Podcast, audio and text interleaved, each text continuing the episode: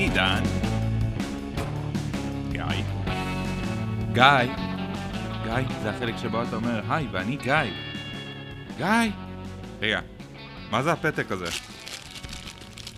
שלום עידן, אני לא יכול להגיע להקלטה היום. אנא מלא את הזמן ואולי גם נעשה את זה בהמשך. נ"ב עידן הוא המלך של הכל ובוודאות גיא זיידמן כתב את זה ולא עידן. Huh. מעניין.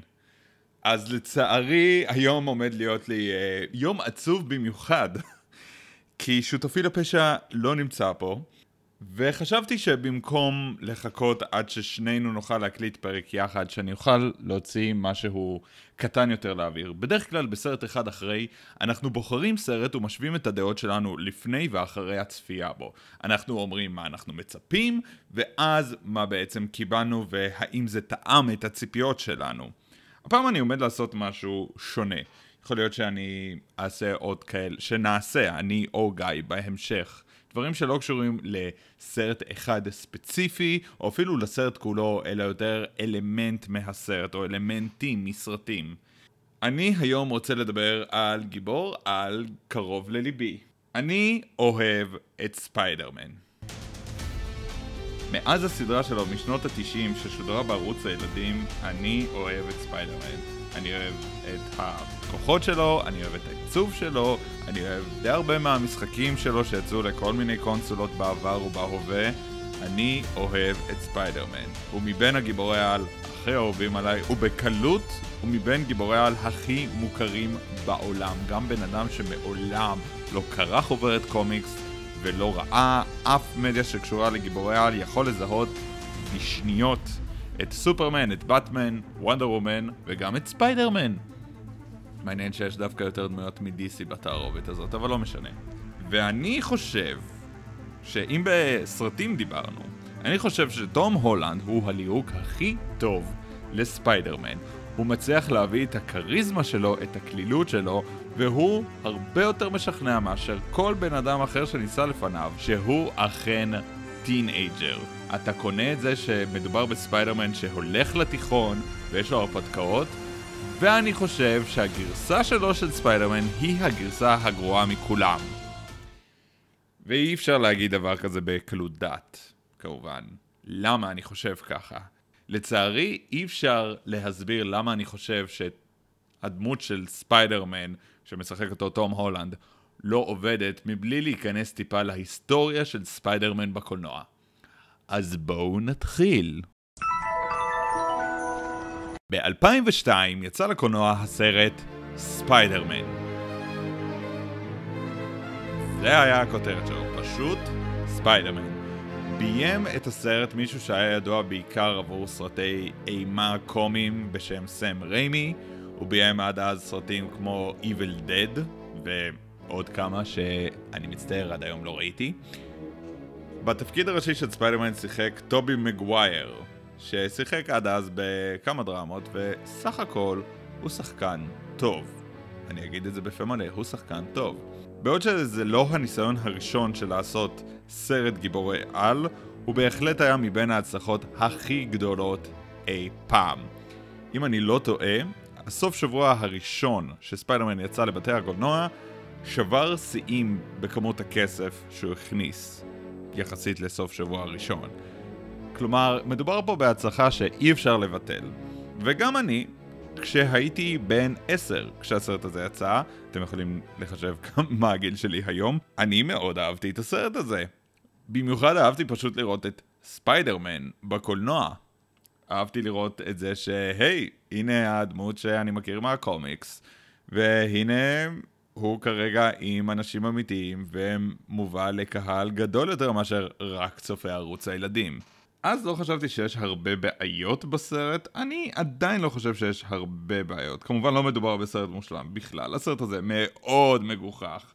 לא תמיד מהסיבות הנכונות, לפעמים כן. חלק מהשורות שם הם, אה, איך להגיד, קצת משונות, במיוחד דודה מאי שאומרת You grabbed me and said, Aunt May? Aunt May? Is that an angel? כן, זה, זה טיפה מוזר. Uh, אבל סך הכל לסרט יש אקשן טוב, האפקטים, פו, התיישנו רע. באופן כללי זה סרט שאני ממליץ לשבת עם כמה חברים ואו להתרפק מנוסטלגיה או פשוט לצחוק עליו. אבל הנה הדבר, יש תחושה כשצופים בסרט הזה שניסו להעביר כמה שיותר מהמיתולוגיה, או לפחות המיתולוגיה הבסיסית של ספיידרמן, לקולנוע.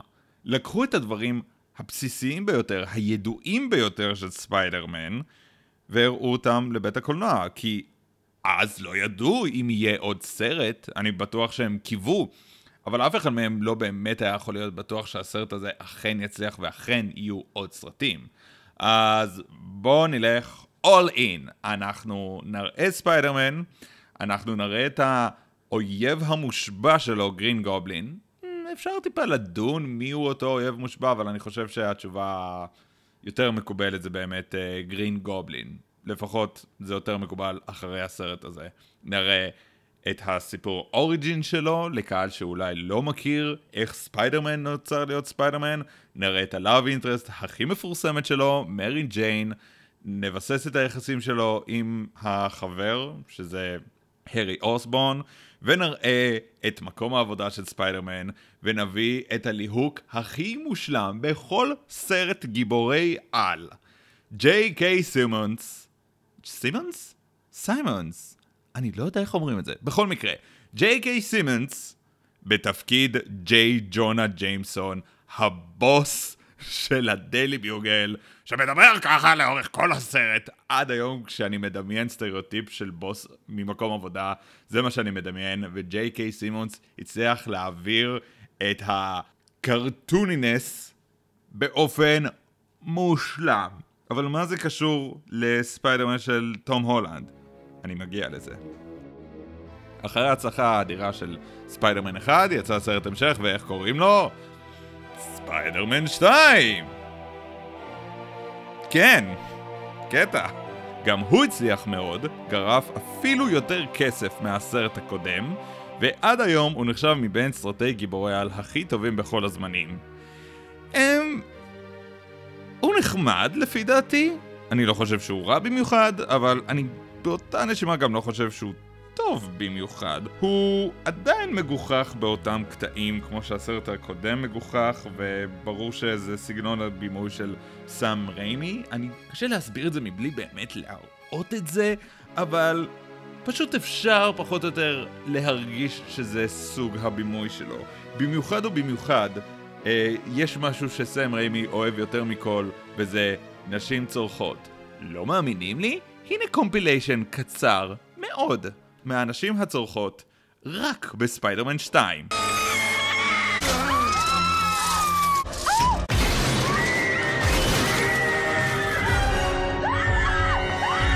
ותאמינו לי, יש עוד. ספיידרמן 2 מביא את עוד אחד מהאויבים המוכרים של ספיידרמן, וזה דוק אוק.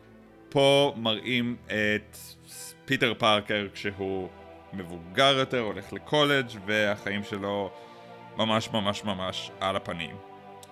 זה אגב סוד הקסם של ספיידרמן, זה גם מה שסטן לי, היוצר שלו, אמר. זה גיבור על עם בעיות. זה מישהו עם כוחות על, אבל בעיות יומיומיות שאפשר להתחבר אליהן. זה נשמע לא כזה big deal, אבל אז זה לא היה. כשיצרו את ספיידרמן אי אז בשנות ה-60, גיבורי על נחשבו פשוט לאנשים ללא בעיות. כי איך יכול להיות לך בעיות אם יש לך כוחות על?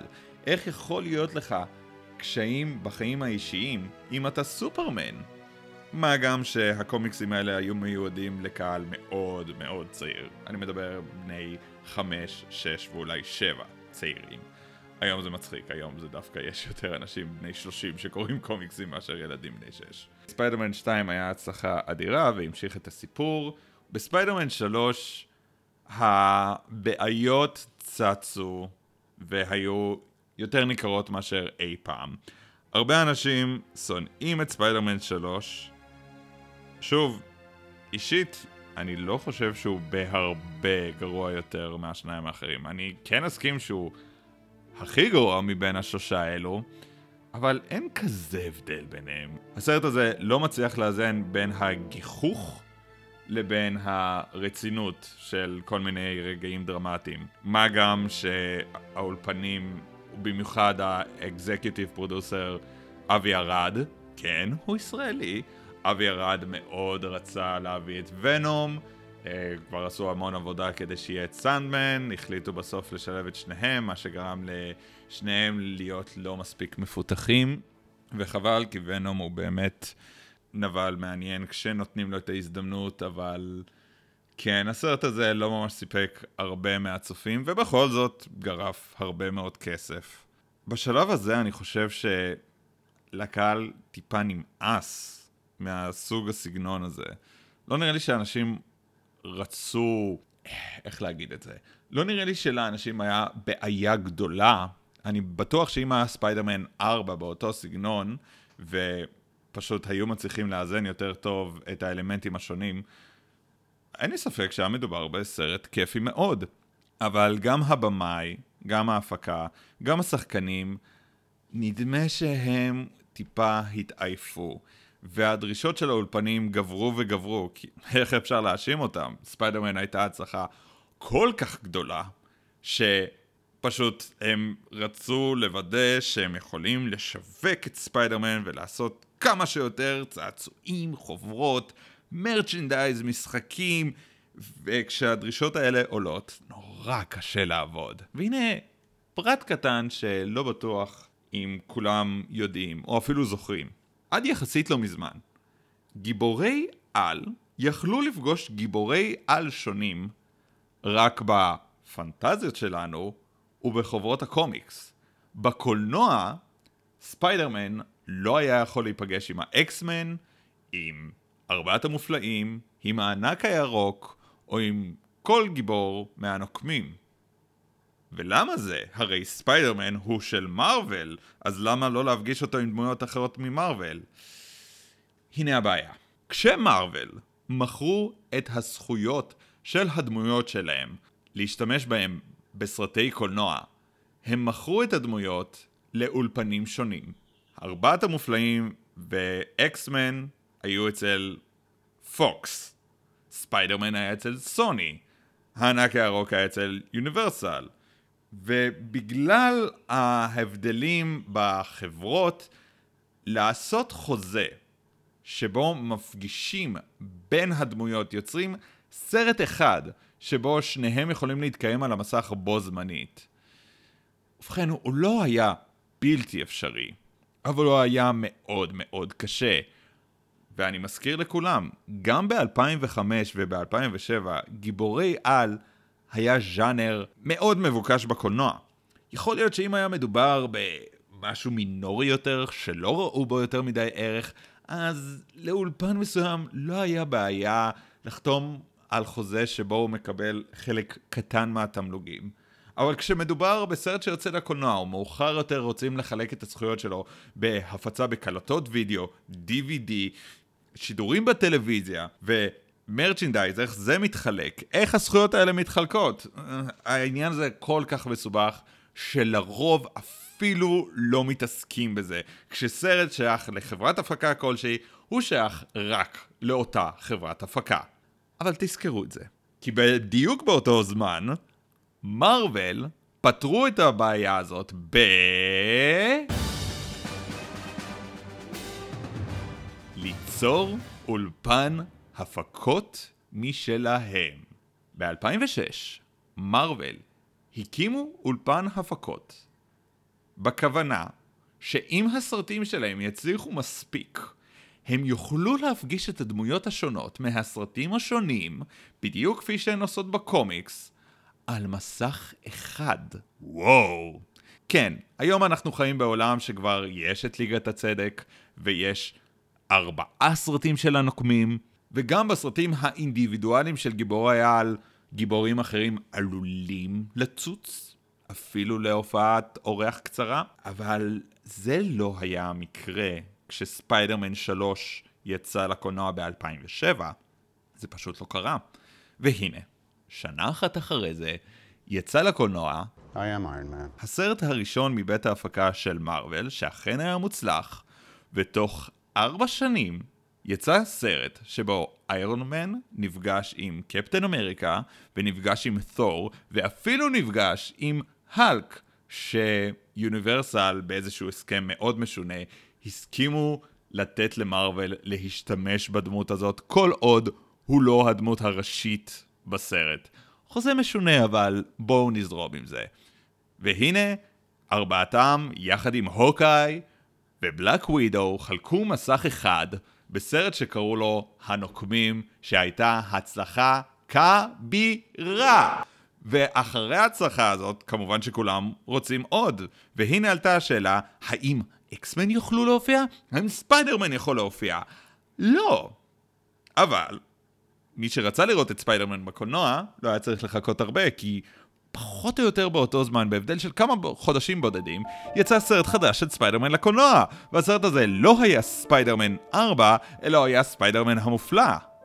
האם זה אומר שספיידרמנים הקודמים לא היו מופלאים? אבל הפעם לא היה מדובר בטובי מגווייר, ולא היה מדובר בסם ריימי, אלא היה מדובר בצוות חדש, שהביא את ספיידרמן בכיוון חדש, ש...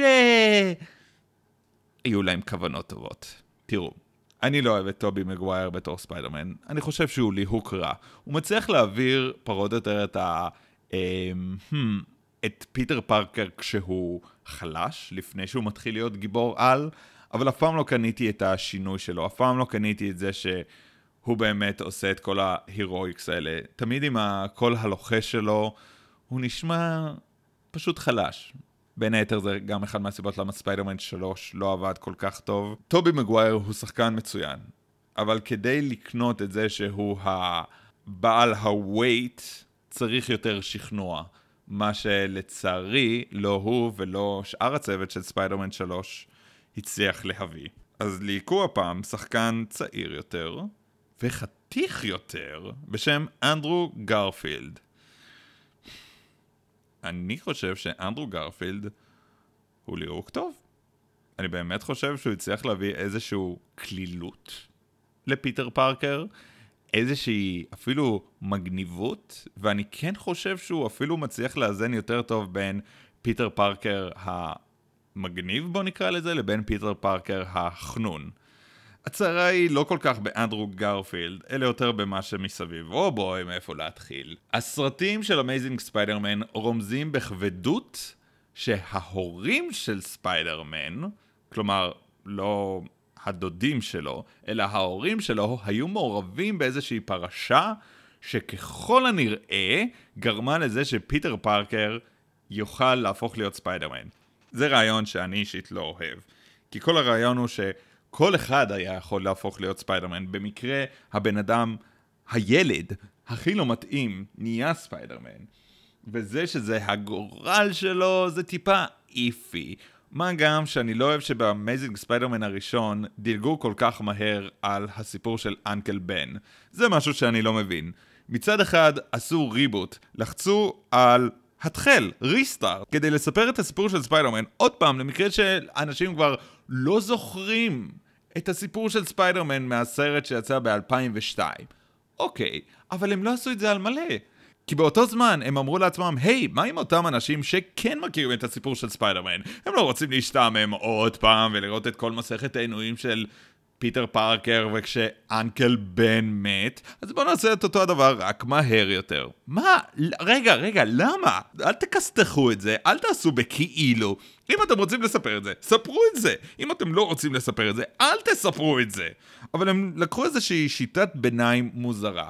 זה נראה לי הדרך הכי טובה לתאר את Amazing ספיידרמן הראשון. שיטת ביניים מוזרה, כי ספיידרמן שם לא ממש נראה כמו ספיידרמן, התחפושת שלו, משהו בעיניים המצומצמות. ספיידרמן אמנם יוצא עם גווין סטייסי, שהיא אכן דמות מהקומיקס, ולצערי, הסיבה העיקרית שכולם זוכרים את גווין סטייסי, זה לא בגלל הדמות שלה, אלא בגלל הגורל שלה. כי אישית, חוץ מזה שהיא בלונדינית, אני לא יודע שום דבר על גווין סטייסי בקומיקס בנוגע ל... איך היא הייתה, איזה אישיות היה לה, כל מה שאני יודע זה שהיא הייתה בלונדינית, ושהיא, ספוילר, מתה. אבל יצאתי די אופטימי מהסרט הראשון של Amazing ספיידרמן, כי הייתי מעוניין לראות לאיזה כיוון ייקחו את זה. ואישית, אני חושב שהסרט הראשון הוא בסדר? הוא קצת יותר טוב מספיידרמן 3, אבל סך הכל בסדר, סרוויסבול. קלירלי זה מה שהאולפנים רצו, הם רצו ספיידרמן צעיר יותר, חתיך יותר, משהו שיותר קל לשווק. אז למה הם הרסו את זה כל כך עם הסרט הבא? ברור שסוני לא היו מוכנים לוותר על דמות כל כך ידועה כמו ספיידרמן. הם בנו הרבה על ספיידרמן. אבל עכשיו הם עבדו בכל הכוח כדי לגרום לנו לשכוח שהיו שלושה סרטים של סם ריימי, בהם טובי מגווייר היה ספיידרמן, ורצו לעשות את מה שמרוויל עשו, אבל הפוך. נכון, מרוויל הראו כל מיני גיבורים כדי להפגיש אותם בסרט משותף? אז עכשיו עם Amazing ספיידרמן 2, הם רצו להראות כל מיני נבלים כדי להראות אותם בסרט אחד משותף. מה? ב Amazing ספיידרמן 2 יש לא נבל אחד, לא שתיים, שלושה. שלושה נבלי על, בהם ספיידרמן נלחם.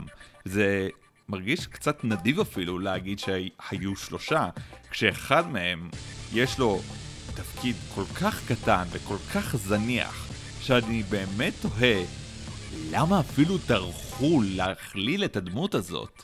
היה אפשר להוריד כל תמונה, כל פריים שבו הוא מופיע, ושום דבר לא היה נזעק מהעלילה. ואם מדברים על העלילה, וואו, יש שם שישה סרטים שאף אחד מהם לא מפותח כמו שצריך. זה כאילו מנחיתים אותך באמצע סיפור, ואתה צריך כאילו להעמיד פנים ששמעת את פרטי העבר. פתאום, לפיטר פארקר יש חבר הכי טוב בשם הארי. אוקיי. ופתאום לאבא של הארי יש מחלה. אוקיי. שרק ספיידרמן יכול להציל. מה? וספיידרמן לא מוכן להציל אותו כי... אם הוא יהיה מוכן אז להארי לא יהיה סיבה לכעוס עליו? אני לא מבין את זה. ואלקטרו שמה... האמת שאני דווקא אהבתי את החצי הראשון בסרט שבו מראים את אלקטרו, את זה שהוא ווירדו, אובססיבי בקטע מוזר לספיידרמן, מקבל את הכוחות בטעות, לא מצליח לשלוט עליהם, וקצת מאבד את זה, מאבד באלף, הכוונה, אבל אז הוא פשוט שונא את ספיידרמן. באיזשהו שלב, באמת, אני ממש זוכר את זה כשראיתי את הסרט בקולנוע.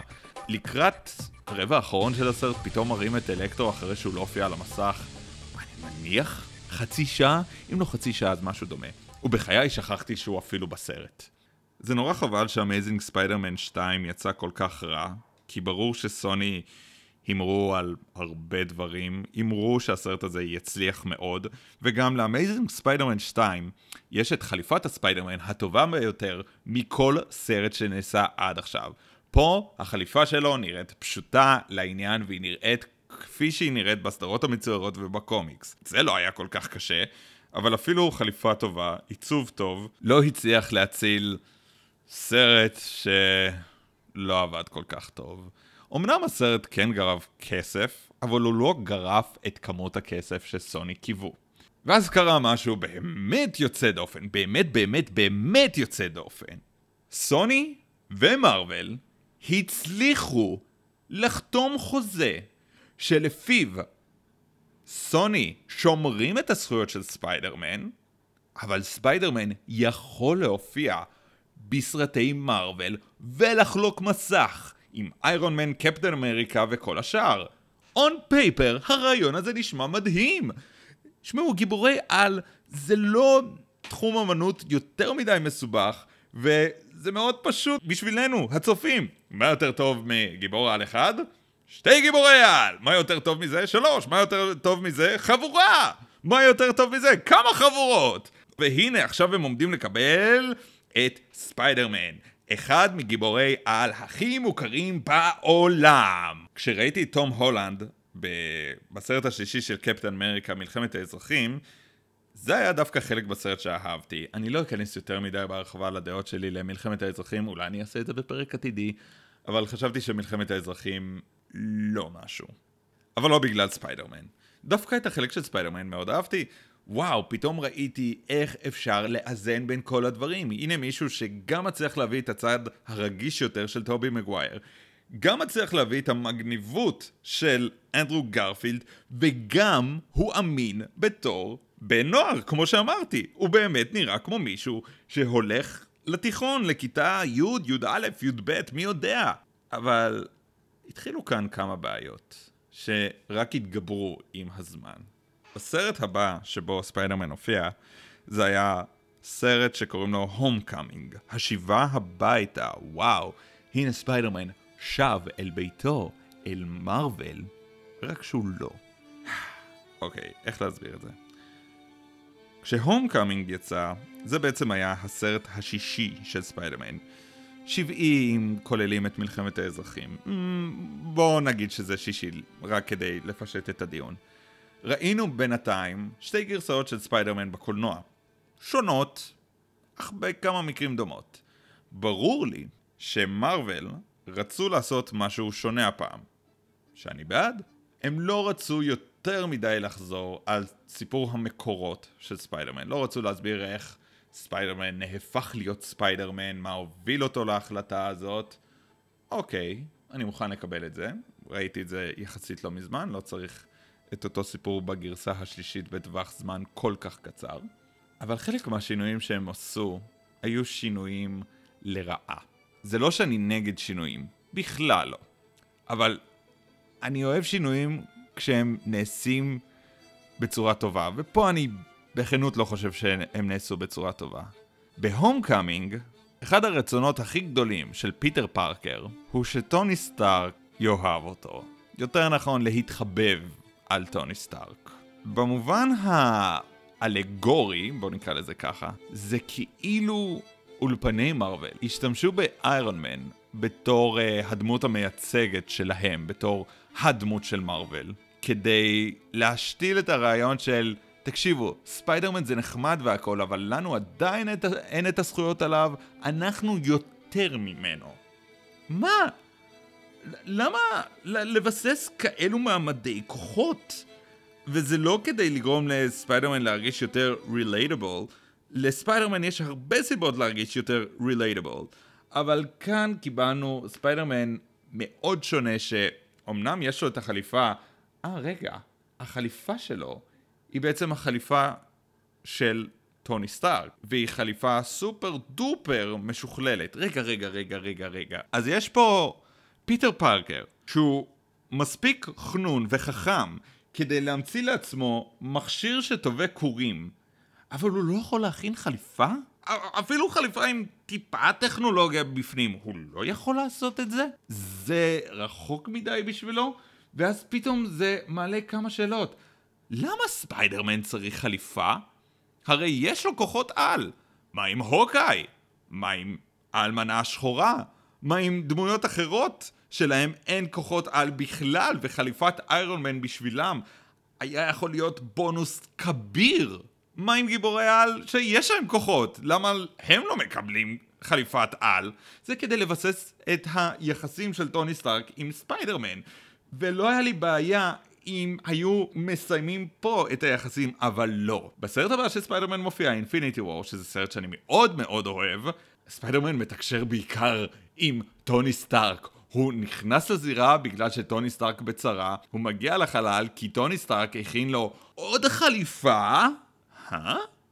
זה, זה מה שהוא פשוט עושה בפנאי? מכין המוני חליפות לס... לא משנה. אז הוא מכין לו עוד חליפה, ספיידרמן ניגש לחלל, נלחם בת'אנוס, כמעט כל השורות דיאלוג שלו הם ישירות עם טוני סטארק, ואפילו כשספיידרמן מת, במקום שתהיה לי את התחושה של אוי לא, אחד גיבורי העל האהובים שלי עומד למות כרגע, כל מה שאני חשבתי זה למה הוא מדבר עם טוני סטארק? כן, אני יודע, הוא בכוכב אחר, אבל הרגע הזה היה פוגע הרבה יותר עמוק אם הוא היה מנסה לדבר עם הדמויות שקרובות לספיידרמן.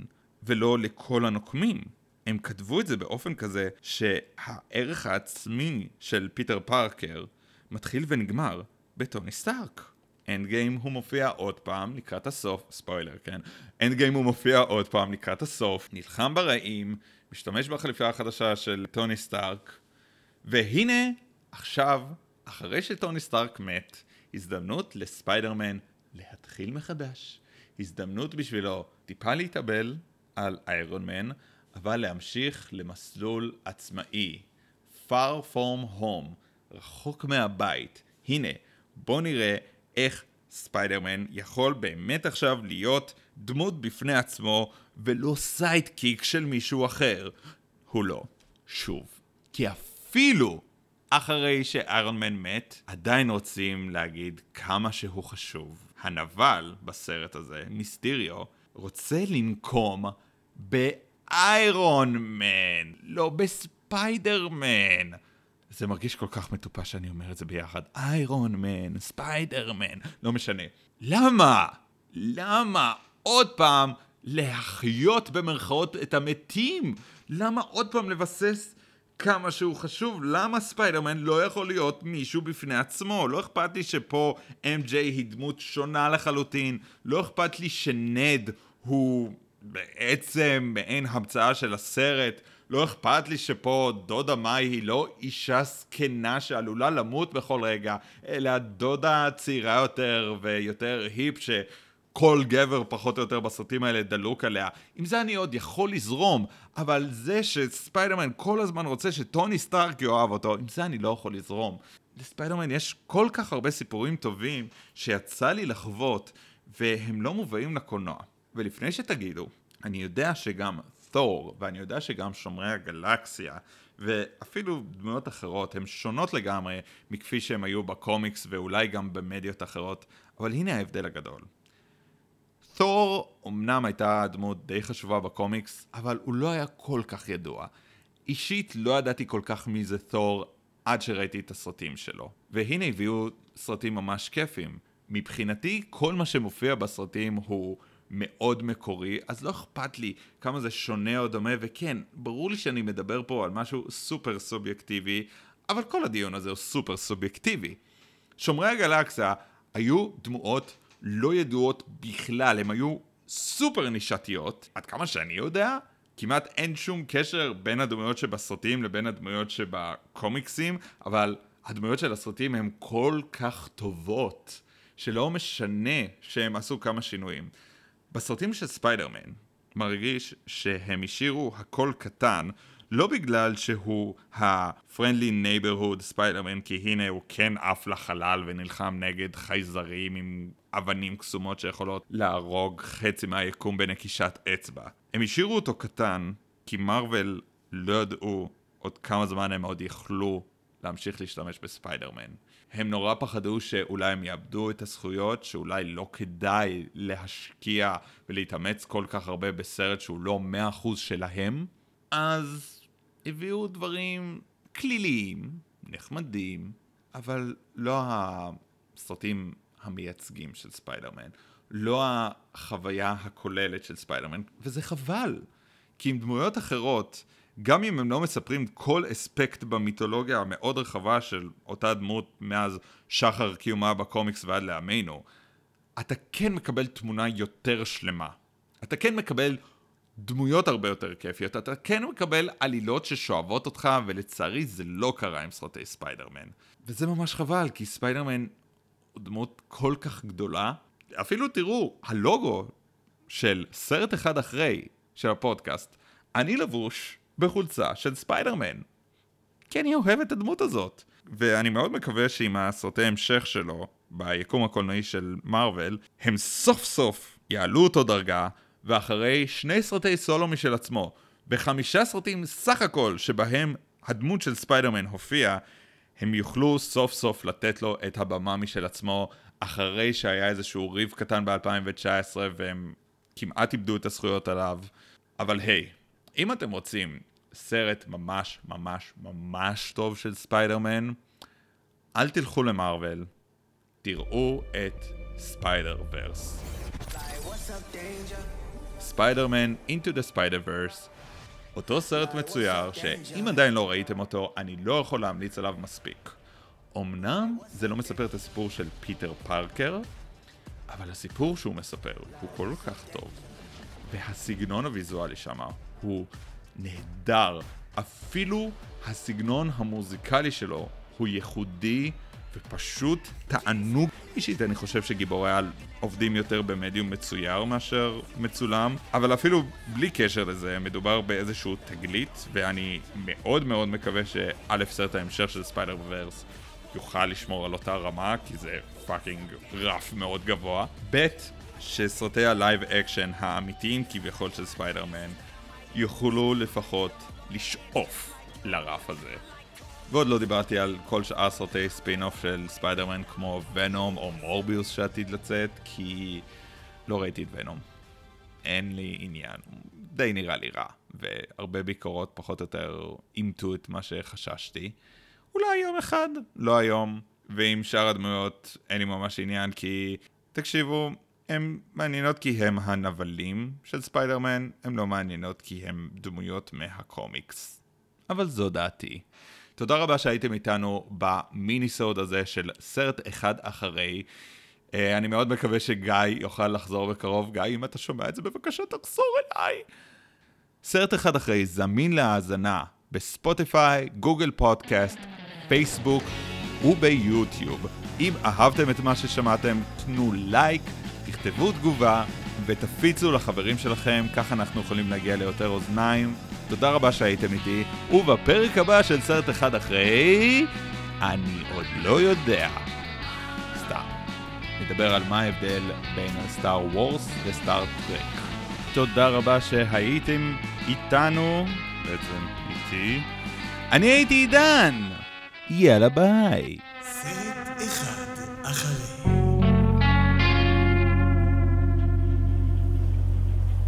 קרנה ושוקר? איך הם הפכו לזוג? משרד שידוכין